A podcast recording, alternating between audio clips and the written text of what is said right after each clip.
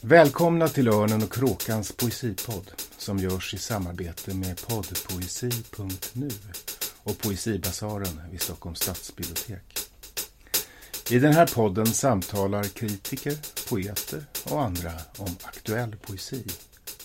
Och så läser vi dikter förstås. Välkomna till Örnen och Kråkans poesipodd. Jag heter Magnus William Olsson. Den här podden ska handla om vad poesi egentligen är. Inte i den meningen som man lär ut i handböcker eller på skrivarkurser. Utan mer vardagligt. Hur poesin är till för oss och hur vi förhåller oss till och lever med den idag. I våra ständigt uppkopplade, kännande, tänkande, minnande, lärande kroppar. På filosofiska skulle man kanske kunna säga att podden idag ska handla om poesins ontologi. Eller ontologier i vår tid. För inte så länge sedan höll många människor åtminstone några dikter i minnet och kunde läsa upp dem vid behov. När jag själv befinner mig utomlands i poesisammanhang och någon på någon middag eller kanske i en bar ber mig läsa en dikt ur minnet på mitt underliga och obegripliga språk. Så brukar jag dra till med crescendot i Tove Janssons Vem ska trösta knyttet? Som jag minns allt sedan min mamma läste boken för mig när jag var liten. Nu tystnar allt. Nu slocknar alla ljusen. Där sitter morran ensam som ett berg och runt omkring är hela marken frusen och själva månen tappar all sin färg. Och knyttet sa Det här blir inte lätt. För morran är det värsta jag har sett. Först piggade han upp sig med en arg och krigisk dans. Sen högg han sina tänder djupt. Och så vidare. Övertydligare exempel på svenskans poetiska läten och rytmer finns knappast. Den gör alltid succé. Men generellt var det rätt länge sedan folk höll dikter i minnet. I gengäld fanns dikterna lämpligt till hands i de egna bokhyllorna eller i folkbibliotekets hyllor. Praktiskt skrivna, uppställda och tryckta på boksidor. Även om man inte mindes dikten utan till mindes man boken den fanns i. Om man kom att tänka på en dikt kunde man plocka fram den, läsa och erfara den på nytt. Men hur är det idag? När vi överlämnat så mycket av våra minnen till digitala arkiv. Numera behöver vi ju inte hålla så mycket i skallen. Om vi bara vet hur man frågar Google och de andra digitala allvetarna som vi lever i symbios med. Om poesin förr var till för oss som minne och erinring, hur är den till för oss idag? För att nysta i detta kommer jag i den här podden att prata med några samtida litteraturarbetare och litterater. Författaren och redaktören Alexander Svedberg som tänkt och skrivit om litteratur, kritik och nya tekniker. Virtual och augmented reality till exempel. Jag ska också prata med författaren och kritikern Hanna Yllöstalo som är en fena på litteratur och sociala medier. I synnerhet kanske Instagram som hon tycks lika förtrogen med som fisken med det element den simmar i.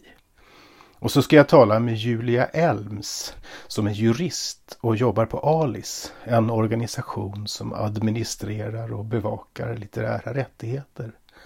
Om vad ett litterärt verk egentligen är idag i lagens ögon. Och om hur lagen egentligen stämmer överens med vårt vardagliga handhavande av dikter på skärmen. Men först ett litet trappsteg till ned i själva ämnet. Det grekiska ordet ontos är participformen av verbet einai, att vara, att vara till. Hur poesi är till för oss som poesi är ingenting självklart, utan något som förändrats över tid och i relation just till tekniker. Poesi fanns förstås långt innan skriften och ännu mycket längre innan vi gjorde läsandets teknik till en huvudsak i våra liv. Det är viktigt att komma ihåg när man talar om vad poesi är. För ur teknisk synvinkel har också poesin ett stamträd, en fylogenes, där varje ny gren som poetiska minnestekniker, alfabetet och skriften, boken, biblioteket, liksom Instagram och poddformat hör ihop med teknikerna de föddes ur. Så som varje gren på ett träd sitter ihop med stammen och rötterna. Innan dikten definierades som en typ av text med vissa kännetecken som meter och rim och ojämn högermarginal så var dikten redan händelse, läte, stämning, minne. En av Sapfos dikter beskriver en situation där poesi blir till som poesi för 2500 år sedan. Så här säger Sappho. Abantis, nu ber jag dig Ta upp din lyra och sjung om Gongula, den sköna, tills åtrån och nyo fladdrar omkring dig. För hennes klänning hetsade upp dig när du såg den och jag gläds, för själva Kyprogeneia evigt rena förebrådde mig en gång. Dikten som förstås är ett fragment som alla dikter vi har av Sappho utom en berättar om en situation. Ett gäng kvinnor som är tillsammans. Och så hänvisas det med stor självklarhet till en gudinna, den Cypernfödda Kyprogeneia, Afrodite. Kanske var situationen typisk för hur poesi kunde vara eller bli till på Sappfos tid. Och diktens situation kan vi ju lätt känna igen också idag. Man är ett sällskap och man ber någon sjunga en låt eller läsa en dikt. Ta upp gitarren och sjung den där om Gongula. Men andra situationer där poesi blir till för oss är kanske vanligare i vår tid. Så här till exempel. Man vaknar, låser upp luren och kollar Instagram. Och genast möts man av en dikt och en till och en till och en till och en till. Eftersom man följer en massa konton för just poesiintresserade.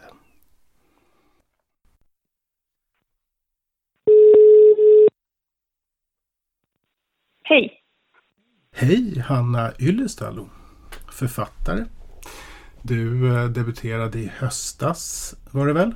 Eh, med romanen Silver som är en på många vis eh, klassisk kanske eh, vuxenblivande roman. Men du är också kritiker, skribent, förlagsredaktör. Men att jag ringer dig idag är för att du medverkar i en nyutgiven antologi som heter För snabb för att fångas i skrift och som samlar några texter om kritik i det digitala medielandskapet. Och ditt bidrag handlar om kritik på Instagram. Men nu ska vi ju inte prata om kritik utan om poesi. Eh, och jag skulle vilja börja med att fråga dig vad har Instagram gjort för poesin? Oj, stor fråga. Um, det som sociala medier överlag har gjort är ju att det gör poesin tillgänglig för en helt ny målgrupp. Um, sociala medier är också bra på att skapa sammanhang där man kan prata om konst och poesi och litteratur. Um, Instagram som just Instagram som plattform tar ju med bilden mm. i berättande också. Det finns möjlighet att skriva en bildtext och så kan man uttrycka sig i bild och sen kan man lägga upp händelser och till exempel här under 2020 pandemiåret så har ju också Instagram visat möjligheten att liksom ordna diktuppläsningar och sprida dem ganska brett. Mm. Men tänker du då att, jag skulle, låt mig fråga så här. Eh, eh, nu, nu, nu talade du bra och vackert om vad, vad Instagram har gjort för, för poesi. Men vad, har, vad har Instagram gjort med poesin? um, jag vet inte vad du är helt ute efter nu. Nej, men jag tänker att det, det är klart att eh, det, nu, nu, kan man säga att det kanske var pandemin snarare än Instagram. Eh, men i och med att, att det är en plattform där man kan publicera och också eh, på olika sätt publicera poesi och upp, uppläsningar och annat eh, så, så är det ju ändå en form av plattform och en kontext och en miljö. Och, och det är ju inte samma sak att läsa en dikt på, på Instagram som att sätta, sitta och läsa i en bok eller, eller så. Nej, det är sant. Det är ju liksom blir en eh, också gränsdragningen mellan olika typs texter blir luddigare och också blir det mycket möjligheter att liksom experimentera med språket. Och på olika plattformar så finns det också mycket olika typer av jargonger och ironi till exempel används jättemycket och humor liksom på olika sätt. Så, så jag vet inte alltså, det är ju alltså svårt att säga vad, vad, vad som har hänt med poesin för att det har ju hänt så mycket, allting händer ju parallellt och mm. jag tycker inte heller att uh, det gå, eller såklart om man vill studera Instagram till exempel specifikt så går det ju att göra det. Jo. Men att allting går ju in i varandra. Mm. Det är inte så här isolerade företeelser utan eh, de olika plattformarna samverkar ju och existerar mm. liksom parallellt och också med den här liksom verkliga världen mm, och absolut. alla de traditionella medierna. Mm. Och till exempel nu har ju Clubhouse kommit som en ny aktör och nya möjligheter på har du sett någon poesi där? Eller jag faktiskt hört såg det i... Ja. Att jag hann inte kolla in det men jag råkade vara inne på lördag kväll och så då såg jag att det var en någon sorts svenskt poesirum mm. där det skulle vara open mic äh, koncept. Mm. Mm. Men äh, jag råkade inte ha möjlighet att delta då men det finns tydligen. Mm. Ja, intressant. Ja, nej, men det jag tänkte, man, man kan ju eh, man kan ju tänka över nätet eller plattform, olika plattformar som helt enkelt eh, publiceringsformer. Och att eh, någonting händer ju förstås med en dikt om man fotar den och lägger upp det på en bild och postar den i ett flöde. Det är klart. Eh, det är ju liksom en... Det är ett, den, Instagram eller sociala medier på det hela taget har ju inneburit ett nytt sätt att... Eller åtminstone ett annorlunda sätt att, att leva med poesin så att säga. Om, man, om man är med, om man följer en del poesikonton eller om man är med i olika poesigrupper eller rum eller vad det nu kallas för de olika plattformarna så, så får man ju snabbt väldigt mycket poesi i sitt flöde. Liksom. Eller hur? Mm. Och det är ju liksom ett sätt, mm. det är ett sätt att vara med poesin som, som man kanske inte hade när, när dikterna satt fast i bokhyllan eller vad ska jag säga, eh, så mycket. Ja, det, det blir ju som en sorts annan synlighet för att poesi läses och jag tror samtidigt så förstärker ju den där förstärks ju den där känslan av att man lever i en bubbla för att jag som mm. litteraturkonsument eh, intresserad av litteratur så jag följer många konton och, och då får jag den här känslan av att världen ser ut så här att, att det består av poesi. Mm. Men, eh, men sen finns det ju många som inte följer ett enda konto som har med liksom poesi, för då, då blir det ju en helt annan, eh, liksom olika världar nästan, eller olika mm. bubblor. Mm. Har, du, har du publicerat det litterärt? Har du publicerat det litterärt på, på några plattformar?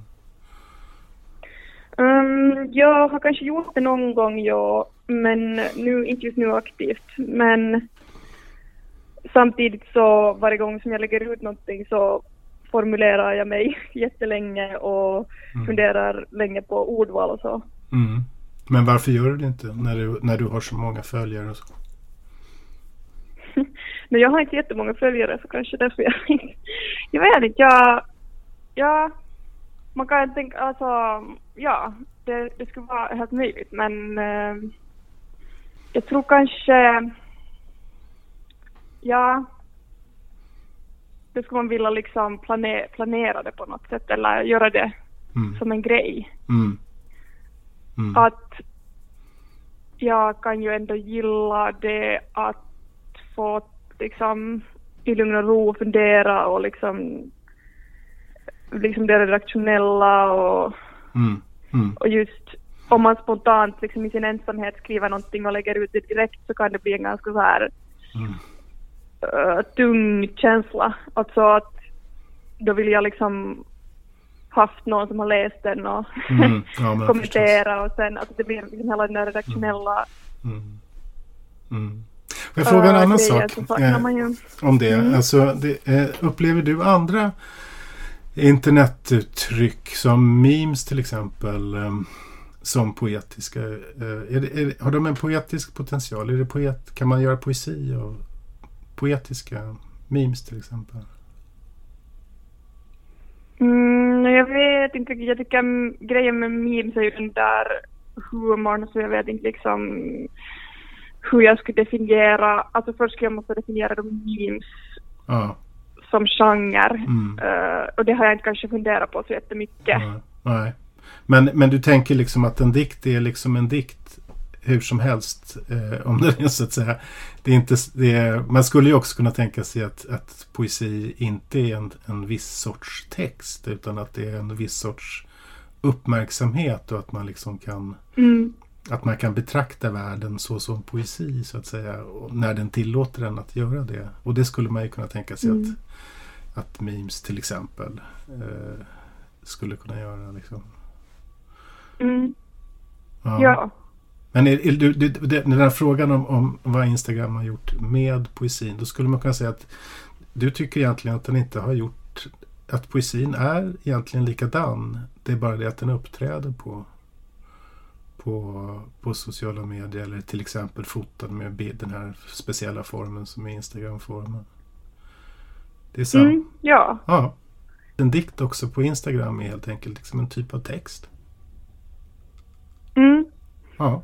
Ja, och det blir ju intressant också för att till de här plattformarna så hör det ju ofta också att kunna äh, reposta eller åter, liksom, förutom att man kan själv lägga upp en dikt så kan man ju också dela vidare någonting som någon annan har skrivit och då, då blir det ju också att hur, hur citerar man varandra? Det finns ju liksom inte så mycket regelverk kring det här. Att hur, hur ska vi citera varandra? Hur menar du i regelverk? Det finns ju i lagens mening är det ju superreglerat. Ja, men ja, det stämmer. Ja, det stämmer. Men på sociala medier så tycks inte det Nej, vara något man tänker på kanske nej. så mycket. Du, jag ska, jag, ska be, jag ska fråga dig en sista grej. Nu, koncentrera dig nu. Eh, kan du någon dikt utan till? uh, ja, kanske fragment av dikter. Får vi höra något? Vad sa du? Får vi höra något? nu får jag scenskräck. Ja. Känn lite på skräcken och kom på något. Jag tror jag minns en av Agneta Enkel Okej. eh, som eh, går så här. Nej, jag, jag, jag kommer inte på. Alltså, men jag kan ju nog sådana, vet du, vanliga, tråkiga, men då vill jag inte kanske säga för att det är ju för tråkigt. Okej. Okej. Någon, vet du. Jag förstår. Ja.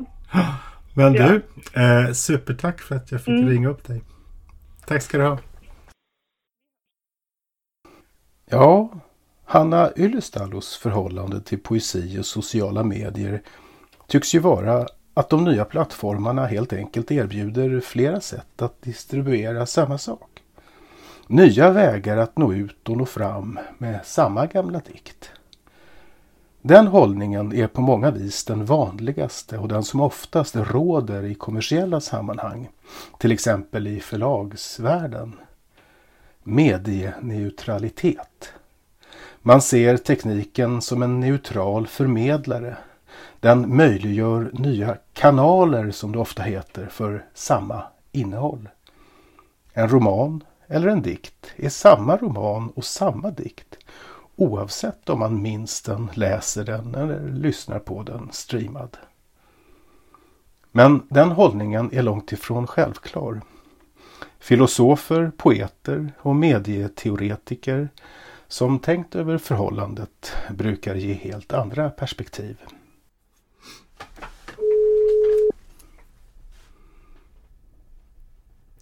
Hallå, hallå! Hej! Alexander Svedberg, eh, författare, antikvetare, redaktör på bokförlaget och tidskriften 20-tal och inte minst kritiker bland annat här på Örnen och Kråkan.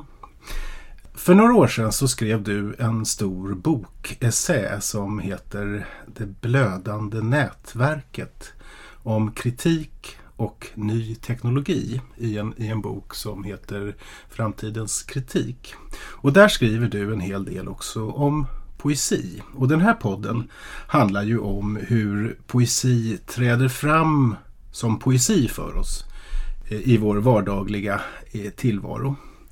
Eh, Eh, och väldigt ofta, i någon mening kanske alltid, så gör den ju det genom eller i relation till datorer av olika slag. Som ju numera är en sorts naturlig fortsättning eller förlängning av våra kroppar. Och jag ska börja med en riktigt stor fråga eh, som ja. inte, inte, går att besvara men som vi kan spåna på.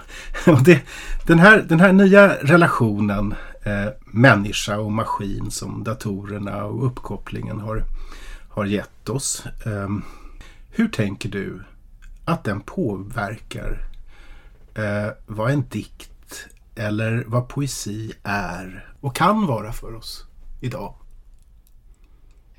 Jag tycker det, det är en väldigt bra fråga som eh, både du och jag är väl, har väl på något sätt en bakgrund mer inom den, den, traditionella poesin eller den traditionella texten. Och när jag har undersökt de här nya uttrycken eh, som man ser inom den digitala poesin eh, så stöter åtminstone jag väldigt ofta på eh, eller jag möter väldigt ofta att jag inte riktigt förstår alltid vad de här poeterna vill göra.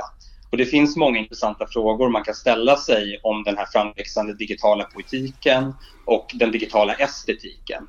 Eh, men jag är framförallt har intresserat mig mycket för eh, vikten av att ställa frågor om det nya offentlighetsbegrepp som vi verkar inom och hur de så kallade verktyg som dyker upp och sedan försvinner förhåller sig till det begreppet. Mm. Eh, och i framtidens kritik i de blödande nätverken så har jag bland annat intervjuat digitalpoeten David J. Johnston eh, som har skrivit boken Aesthetic Animism, Digital Poetry's Ontological Implications. Mm. Och det är ju ett av de första stora samlingsverken för den här nya sortens digitala poesi. Den kom någon gång 2010-talet? 2016. Den 16. bygger vidare på hans avhandling som han mm. skrev några år tidigare. Mm. Mm. Eh, och jag tar upp det här för att jag tycker att han har en ganska bra indelning för hur man kan tänka kring den här nya poesin och hur den förhåller sig till eh, både traditionella litteraturbegrepp men också eh, datorprogrammeringens begrepp. Mm. Eh, man skulle liksom kunna säga att eh, den här nya poesin kan delas upp i översättning, mjukvara och hårdvara. Mm. Och det första där är det vanligaste, det vi är vana vid, nämligen att man använder sig av den traditionella poesin för att undersöka, förstå och uttrycka det man upplever när man rör sig i den här nya digitala offentligheten. Ja. Um, mm. Och det skulle jag säga är det vanligaste sättet som vi möter den här nya upplevelsen av att vara en digital människa eller att leva med de här digitala proteserna som jag kallar det. Mm, det. Eh, jag, jag, tänker, om vi ska, ska, vi försöka beskriva lite mer eh, faktiskt eller konkret den här poesin som du talar om? Ja. Mm. Om jag tar några exempel på sån här poesi, det finns ju väldigt många olika typer av överlappande experiment. Mm. Eh, det, jag skulle säga att den typen av digitalt grundad poesi som de flesta idag nog har kommit i kontakt med är den generativa poesin. Där en AI programmeras med material och sedan skriver egna dikter. Mm. Eh, och där har vi det mest kända exemplet i Sverige just nu i den relativt nyligen utkomna boken som använder sig av Karin Boyes poesi. Just eh, men jag, jag, kan tycka att den här poesin är väldigt intressant men den handlar ju mer om processen än om resultatet skulle man kunna säga. Mm. Eh, för resultatet i sig, även om det är väldigt intressant att se hur den här AI tar sig an eh, den här inmatningen av, av Karin Boyes dikter mm. så liknar det ju till stor del den typen av poesi som vi är van vid att läsa, eller vana vid att läsa. Oh.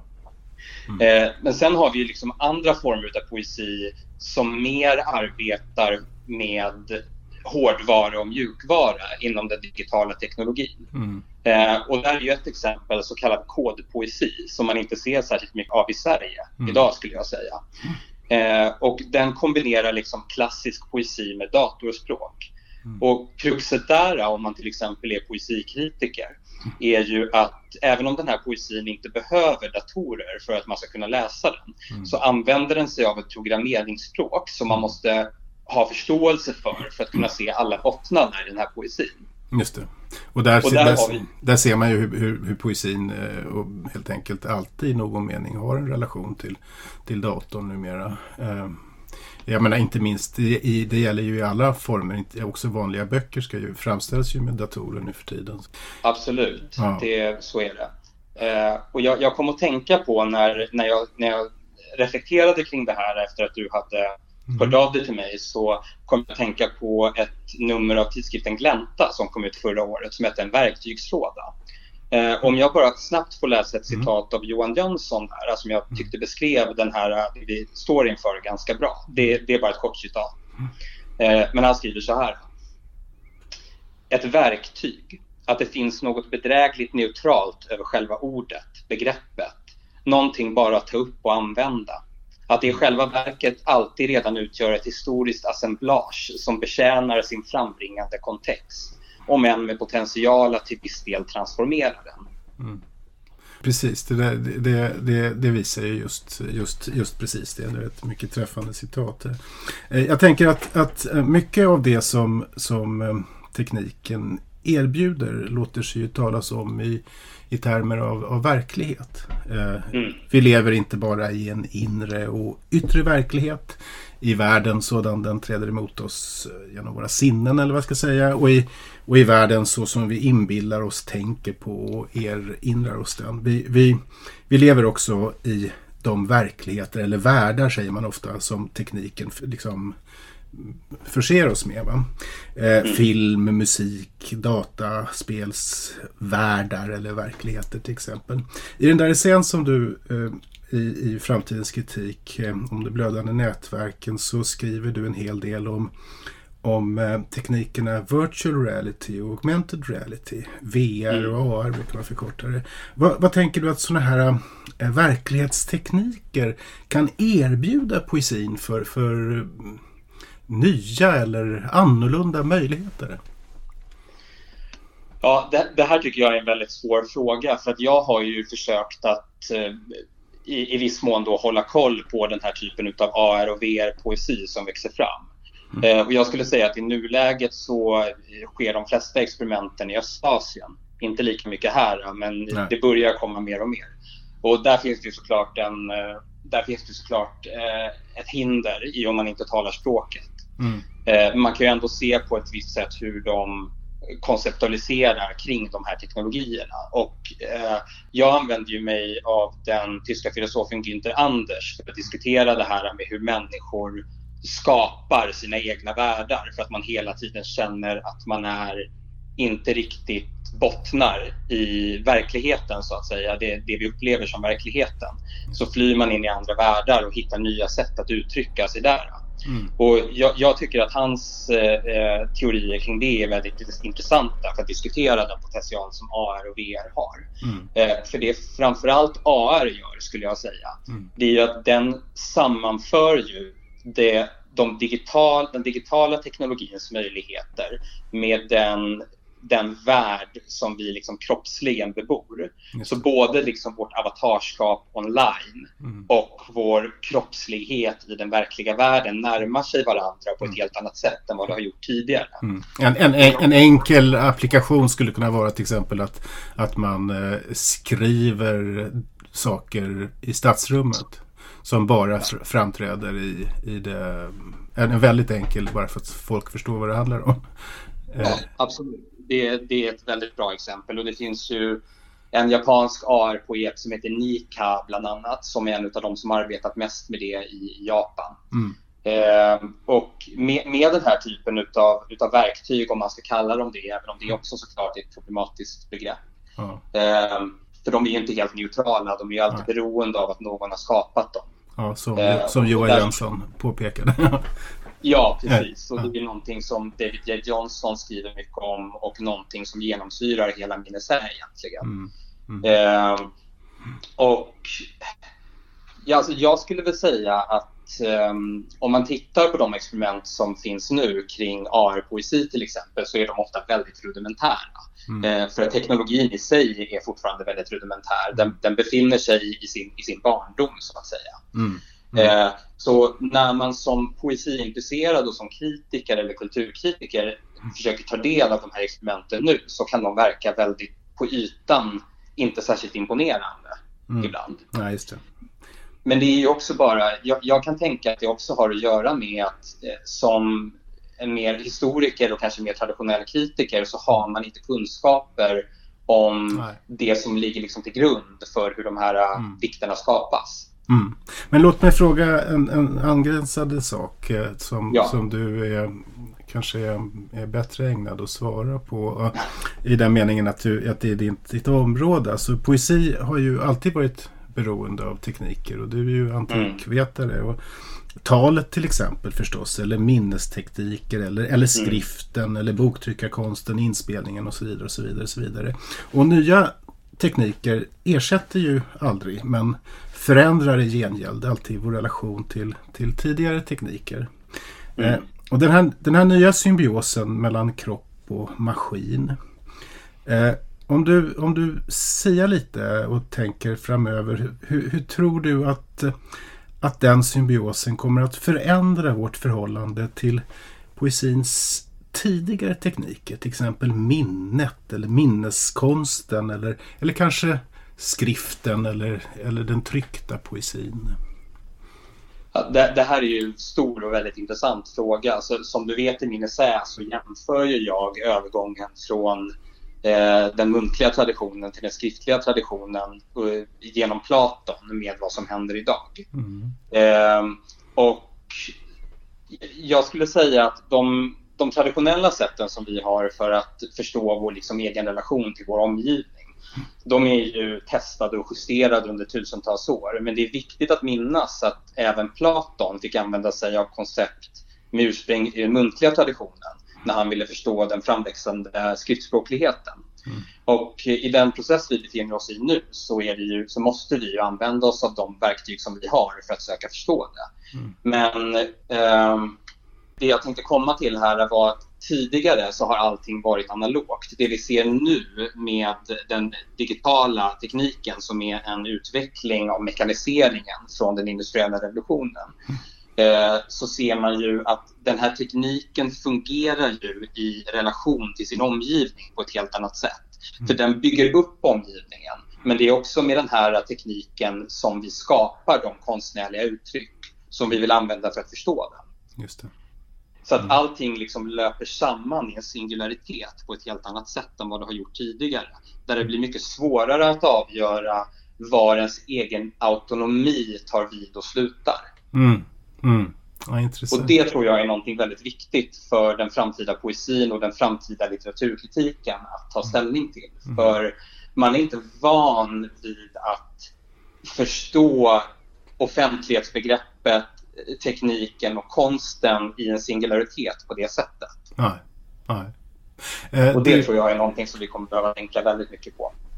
Det, det låter nog troligt. Eh, jag skulle vilja ställa en sista fråga. Mm. Eh, så här, eh, kan du någon dikt utan till?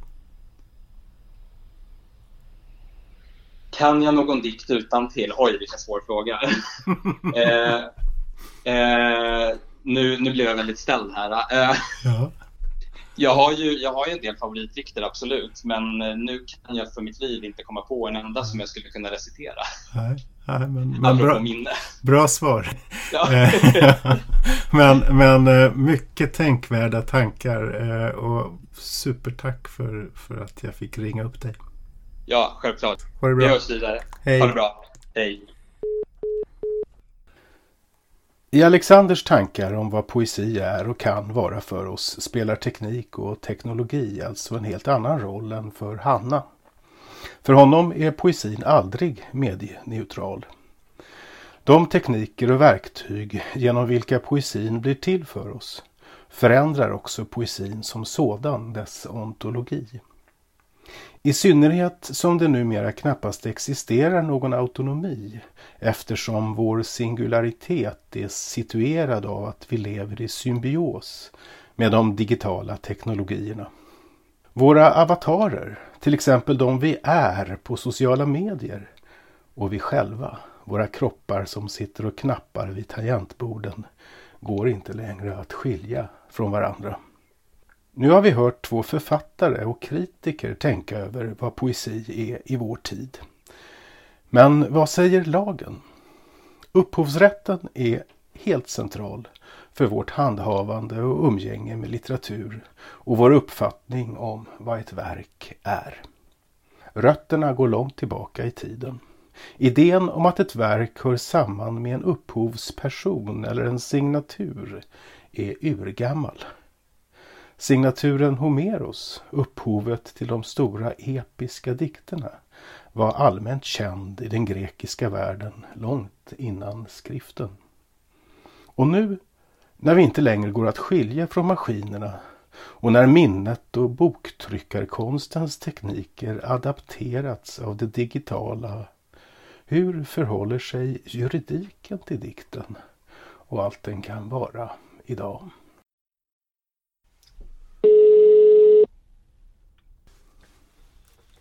Hej Magnus! Hej Julia, vad bra! Hej! Ja! Eh, Julia Elbs, jurist och upphovsrättsexpert. Får jag kalla dig så? Ja, absolut. Det går bra. Men jag har bara jobbat i två år. Ja, men på, du har Ska ändå säga. Ja. Men jag har jobbat på Alice i två ja, år. Precis, på Alice liksom som ju är en organisation som heter, det är en akronym för administration av litterära rättigheter i Sverige. Ja. Mm. Först skulle jag vilja fråga dig bara, använder du sociala medier? Ja, det gör jag. Mm. Absolut. Eh, jag är liksom uppväxt i, ja. i den generationen som, som har som, liksom, fått, fått leva med det från ja. början. Kan man säga. Eh, följer du, eh, jag antar att du är litteraturintresserad, och följer du liksom några litteraturkonton och litteraturgrupper och så? Ja det gör jag absolut. Eh, framförallt på Instagram faktiskt. Mm. Eh, mm. där eh, har jag mm.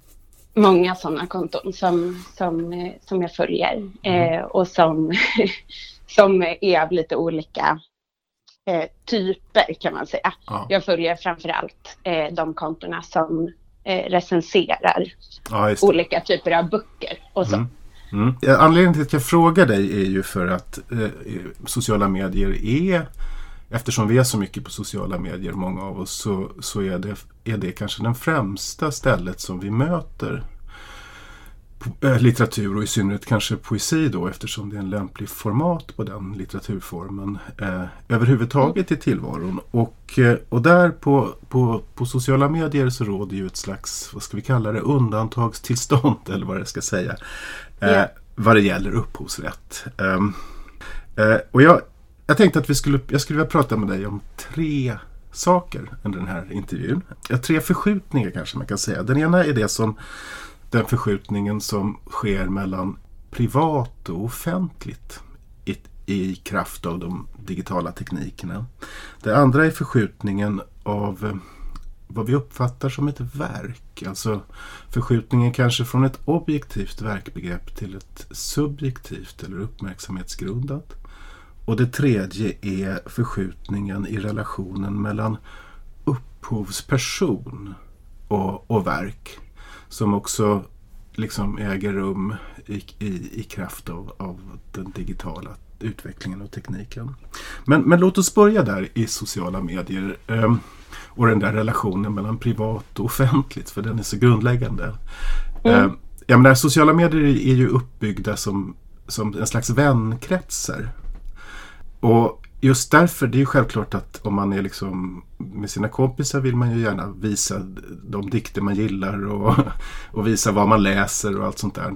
Ehm, men, men i och med att sociala medier inte är en privat sfär utan bara någon slags semi-privat sfär eller semi-offentlig sfär så upp, upplöses ju, eller för, omförhandlas i alla fall gränsen mellan privat och offentligt.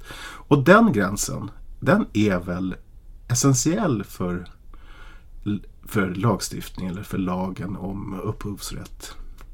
Ja, absolut. Eh, man kan ju säga att eh, egentligen så, så eh, ska ju alla typer av eh, verk som delas i de här sociala medierna eh, klareras genom att man inhämtar tillstånd från upphovspersoner som har skrivit verken. Mm och det eh, är framförallt liksom för att eh, det är väldigt svårt att kontrollera det där, precis som du är inne på, vad som är offentligt och vad som är privat. Mm. Eh, men folk beter det... sig väl, liksom jag menar, det, generellt så beter sig folk som om det vore en privat sfär. Uh. För att man upplever det lite grann att det är så. Uh. Men i själva uh. verket så, så, så, så, så räknas den i lagens mening som, som offentlig. Ja, exakt. Många tänker ju att man liksom bara delar någonting på, på sin egen sociala medier. Mm. Men vi vet ju också att det finns en enorm eh, delnings och användarkultur bland användarna på sociala medier. Där till och med mm. eh, apparna i sig liksom, eh, förespråkar delning på något sätt kan ja. man säga. Mm. Eh, typ om man går in på Instagram-appen så finns det eh, väldigt enkla funktioner för mm. att dela vidare verk mm. där man kan trycka på en knapp som är avsedd för just det. Mm. Och då eh, kan ju någon som är inne på ett konto där en dikt har delats bara väldigt snabbt klicka mm. och sen så finns den dikten i dens feed mm. eller i dens eh, händelse. Vad, vad, tänker du så som, liksom helt, som intellektuell i, i, i förhållandet? Liksom, vad, hur ska, och jurist, hur ska, man kunna, hur ska lagen kunna hantera den här? För att det kommer ju inte gå det, går, det kommer inte gå att piska folk till att, att liksom betala. Nej. Nej. vad, vad ska man göra? Nej. Nej, precis. Alltså det är ju väldigt, väldigt svårt. Det är ju, och där får man ju också fundera på vad som är rimligt. Alltså vilka krav är rimliga att ställa? Är det så att liksom varje eh, enskild person ska behöva eh, ansöka om tillstånd? Nej, men förmodligen så, så går vi liksom mot ett håll där, där alltså det är så lagstiftningen ser ut nu. Men, men någonstans så har man sett behov av att man behöver täcka upp det här på något annat sätt. Och just nu så, så har vi faktiskt, eh, vi har ett eh, EU-direktiv eh, som, som har antagits på EU-nivå. Mm. och som håller på att implementeras i svensk rätt. Mm, som, som säger vad då? Och det säger, vi har liksom en del av direktivet som, som, eh, som säger att man ska börja förflytta ansvaret, eh, vilket är väldigt intressant, från den individuella användaren till plattformen i sig. Mm.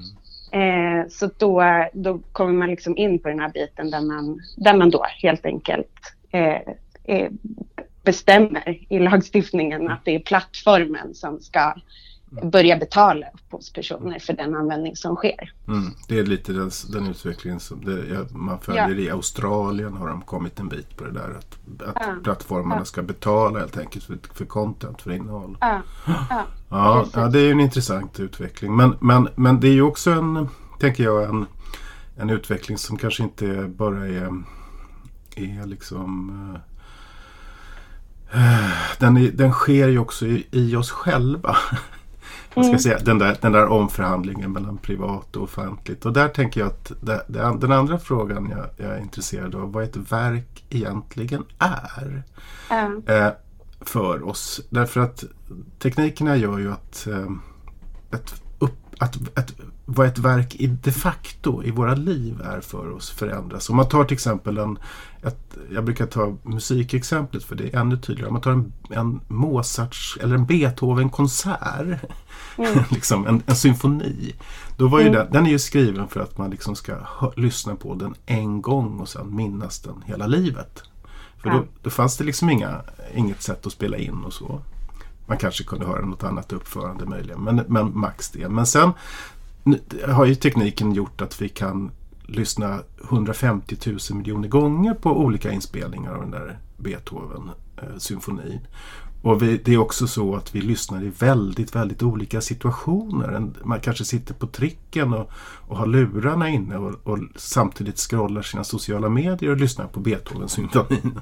Man kanske lagar mat, man kanske, vad vet jag, en del tycker, so, kan bara somna till viss musik. Och så. Mm. Eh, och så kan man, precis som på den tiden, klä sig fin och gå till konserthuset och liksom lyssna med full koncentration. Och i vårt liv, i vårt vardagliga liv, så skiljer vi på de där liksom Beethoven-sonaterna. Mm. eh, det, liksom som verk betraktat, de är liksom, det, det, verkbegreppet tenderar att, att bli mera grundat i, i det subjektiva, i upp, som en uppmärksamhetsform mm. eh, än som ett, ett objektivt eh, fenomen. Jag menar, eh, jag menar, det som skyddas i en Beethoven-konsert eller en dikt, så det är ju liksom texten på papper som är knutet till en viss signatur som en viss ja. författare. Är det inte så? Va, kan du inte berätta om det? Vad, vad gäller lagen? Liksom? Vad är det för objekt som upphovsrättslagstiftningen ja. gäller? Ja, alltså eh, om vi pratar om litterära verk mm. eh, så är ju det liksom eh, någon typ av språkligt innehåll eh, som, som kommer i en viss följd. Alltså, det kan vara till exempel en diktsamling eller en roman mm. Mm. som, som skyddas eh, enligt upphovsrättslagstiftningen mm. för att det har uppnått en viss typ av verkhöjd. Eh, och, och verkshöjden uppnås genom att man har skrivit den här diktsamlingen eller den här mm. romanen med en viss originalitet. Mm. Mm. Eh, och då när, när verket är skyddat av eh, upphovsrättslagstiftningen mm. helt enkelt mm. så, så kommer man in på den här biten med att tillstånd krävs. Mm. Men då får jag fråga Julia, men om, eh, för att liksom ja. göra distinktion. Eh, om man, ja, säg en dikt av Thomas Tranström eller sånt där. Om jag liksom skriver ut den dikten alla bokstäverna i en enda lång, lång, lång, lång rad. Mm. Utan mellanrum mellan, mellan mm. bokstäverna. Mm. Är det fortfarande Thomas Tranströmers verk? Så då har man ju kommit in lite mer på, på någon typ av bearbetning, ja. eh, skulle jag säga. Eh, och särskilt om man liksom börjar, börjar eh, använda sig av det här i olika mm. offentliga sammanhang, då är det ju inte ursprungsdikten längre. Nej. Eh, utan, utan det blir någon form av bearbetning. Mm. Och eh, det själva, själva skyddet i upphovsrätten eh, består ju av lite olika delar. Mm. Dels så är det liksom en ekonomisk rätt mm. där upphovspersonen får en ensamrätt att bestämma hur man ska använda eh, verket. Eh, man måste fråga, innan man gör det så måste man fråga Thomas eller Mon, hans upphovsrättsinnehavarna om man får skriva ja. ut den på en enda lång rad. Ja, precis. Ja. Och, och där kommer man också in på den ideella rätten då som, som inbegriper just det. Mm. Att det finns en, en respekträtt helt mm. enkelt. Mm. Mm. Och respekträtten innebär att man måste fråga om lov för att, mm. eh, för att få göra bearbetningar eller ändringar av verket. Mm. Jag förstår. Eh, jag tänker att eh, på ett sätt skulle man ju kunna säga att en, att en, att en publicering är en eh, bearbetning. Alltså, mm. därför om man flyttar nu, nu har vi ju en, en praxis där folk säger till exempel att en bok, en, en roman är, är samma roman när man läser den i i sin, hemma i, sin, i en bok. Och när man mm. lyssnar på den streamad på, mm. på en plattform. Mm. och det allting Sverige mot det. För det är ju helt olika upplevelser och det är helt, ja. helt olika materiell form och allting sånt där. Men vi har den där liksom eh, medieneutrala idén om, om verket. Men mm. i, i, realiteten så, så kan man ju säga, kan man väl, tycker jag att, i alla fall att det där att liksom fota av en, en dikt av Thomas Tranströmer som jag älskar och att lägga ut den på Instagram. Eh, det är på ett sätt en, eh, en bearbetning av dikten. Mm. Eh, absolut. Eh, det är ju också så att eh, eh, särskilt när det gäller dikter kan jag tänka mig att man som upphovsperson liksom, i vissa fall kan tycka att det är väldigt viktigt att, att sammanhanget ska synas på något sätt. Mm. Alltså att man, att man inte helt, helt plötsligt bara plockar några rader från en diktsamling som mm. har ett, ett större syfte. Mm. Liksom. Mm. Eh, för då blir det ju plötsligt någonting annat. Mm. Eh, när man tar den, den delen av dikten och lägger upp den på mm. sociala medier. Men då, du, nu, nu pratade vi lite om, om det nya EU-direktivet. Men är det också så att man ser en annorlunda rättspraxis? Eh, nu är det väl ganska sällan som den här typen av mål kommer upp i, i rätten. Men, men mm. är, är det, ser man någon slags förskjutning på hur hur juridiken, hur lagen, eh, domstolarna ser på, på litterära verk? Ja, man kan ju verkligen säga att det eh, har funnits ett stort behov av att börja, börja reglera den här luckan som har uppstått. Eh, när, när man liksom eh, eh har börjat förskjuta eh, användningen av de, de mer traditionella eh, medierna till mm. digitala medier. Mm. Eh, och det görs på lite olika sätt och då dels eh, genom att man förflyttar ansvaret från de individuella personerna som använder sociala medier till eh, plattformarna helt enkelt. Intressant, men då kommer jag till min tredje fråga. Eh, mm. tredje fråga det som gäller eh, förhållandet mellan upp upphovsperson och verk. Eh, därför att mm. eh, tekniken och utvecklingen, industrialiseringen av konsten och litteraturen, eller vad jag ska kalla den för, den gör ju att upphovspersonen blir allt mindre viktig. Mm. Man kan se till exempel i, eh, i vad det gäller man ser det mycket på tv-serier och film men allt mer på litteraturen också. Att, det, att skrivandet är ett slags teamwork. Att man, liksom, man skriver tillsammans i grupper. Det kanske finns när man gör tv-serier eller filmer så, så är det manusbearbetning. Det är jättemånga som är inblandade i sådär. Mm. Eh, eh, eh, och, och likadant om, om man lyssnar på plattformar på, på eh, litteratur eller musik så så tenderar ju själva författaren eller upphovspersonen att bli allt mindre viktig. Man kanske mm. lyssnar på någon Spotify-lista som är liksom, vad vet jag, modern indiepop. Mm. Eller vad det nu kan vara. Och så mm. lyssnar man inte så mycket på vilka, man tänker inte så mycket på vem som, har gjort låtarna och spelar. Och likadant man Nej. lyssnar på liksom feel good eller man gillar att lyssna på en viss genre på, på, på någon av liksom, litteratur ljudboksplattformarna. Um, mm. um, och det där, uh, hur, för, att, för det är väl också en, liksom, en grundbult i, i lagstiftningen att för, förhållandet mellan upphovspersonen, den som har den ideella rätten Mm. Och den, den är också skapad, en lagstiftning skapad på ett, ett produktionsförhållande som kanske inte råder överallt längre. Ja precis, det är ju väldigt, alltså det är ju, jag tycker i alla fall att det är väldigt viktigt att, eh, att man som upphovsperson ska få synas.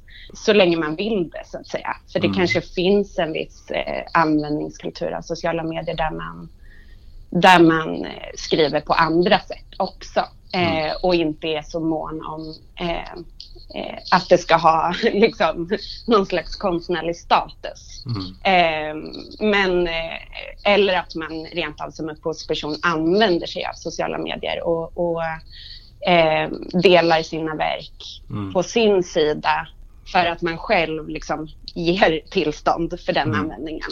Mm. Men, men likväl så ska ju vidareanvändning av, av eh, sådana verk eh, klareras. Eh, mm. eh, på något sätt. Mm. Och, och, och, det tror jag även att de upphovspersonerna som eh, använder sig av eh, sociala medier mm. tycker och känner att de, mm. att de vill liksom, mm. ha någon slags kontroll över vad som händer.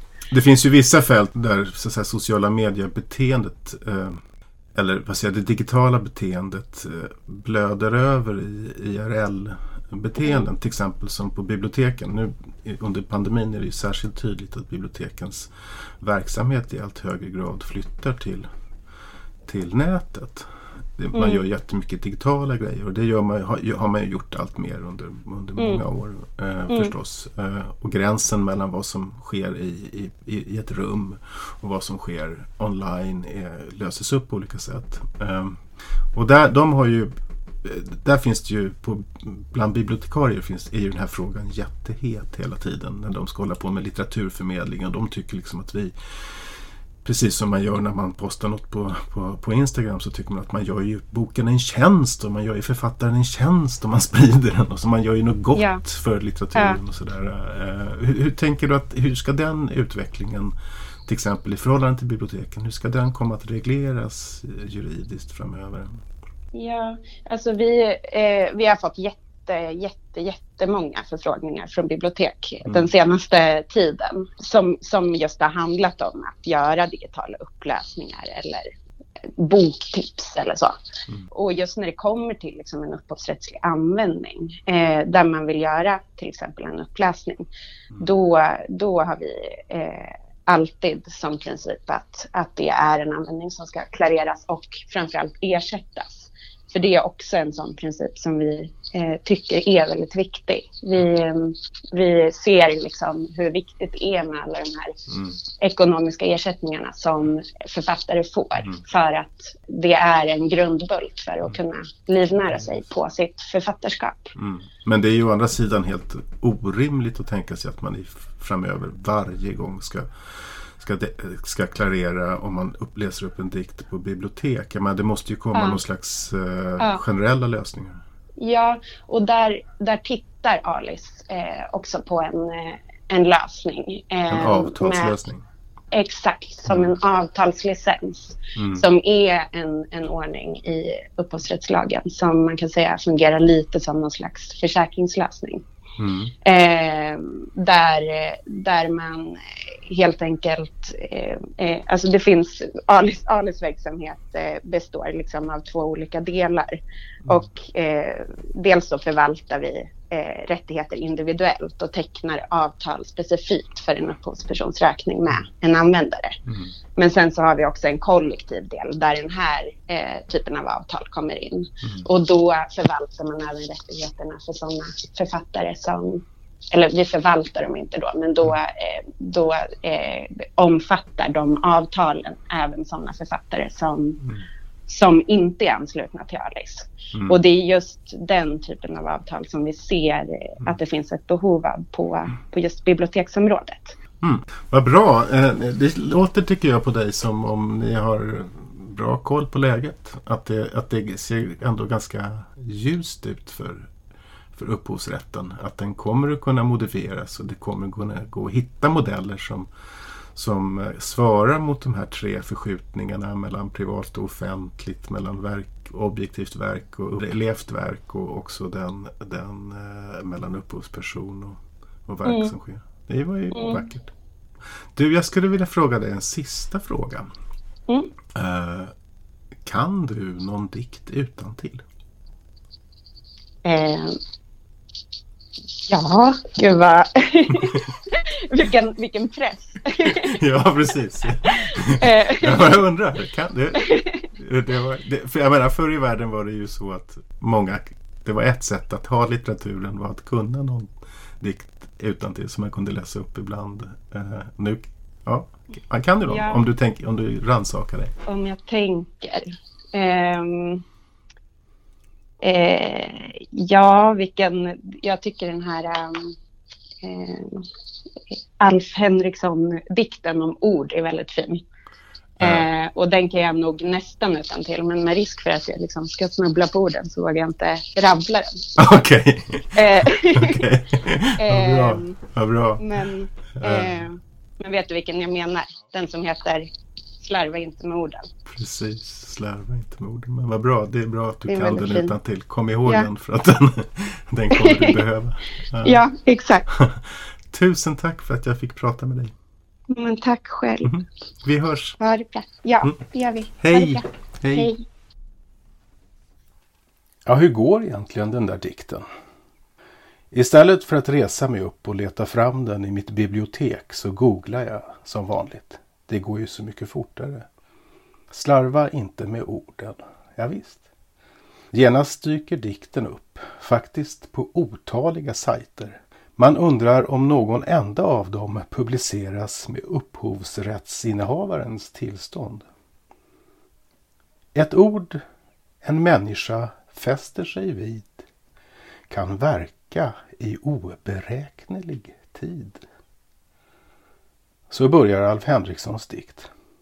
Sappho skriver faktiskt något liknande i ett av de fragment som tycks vittna just om hur skriftens teknik en gång ersatte minnets som poesins främsta medium. Så här skriver hon. Jag säger dig, de kommer att minnas oss i framtiden. Minnets tekniker rymmer förstås en framtid. Det är ju själva poängen. Från mun till mun, från liv till liv, i generation efter generation. Som Homeros hexameter-epos. Denna tidens utsträckning in i framtiden får ibland av Sapfos samtida namnet Aion, som kanske kunde översättas evigheten sådan en människa kan omfatta den. Men skriftens evighet är helt annorlunda. Den tecknar det oändliga och slingrar sig långt bortom det vi som enskilda och dödliga människor kan omfatta. Och vad innebär framtid för en dator? Jag googlar. Men uppenbarligen lyckas jag inte ställa frågan rätt. Hur jag än prövar handlar alla svar om framtidens datorer. Snabbare, mindre, snabbare, mindre, snabbare, mindre. Och så alla fantasier förstås. Om hur de på egen hand tar över världen och historien.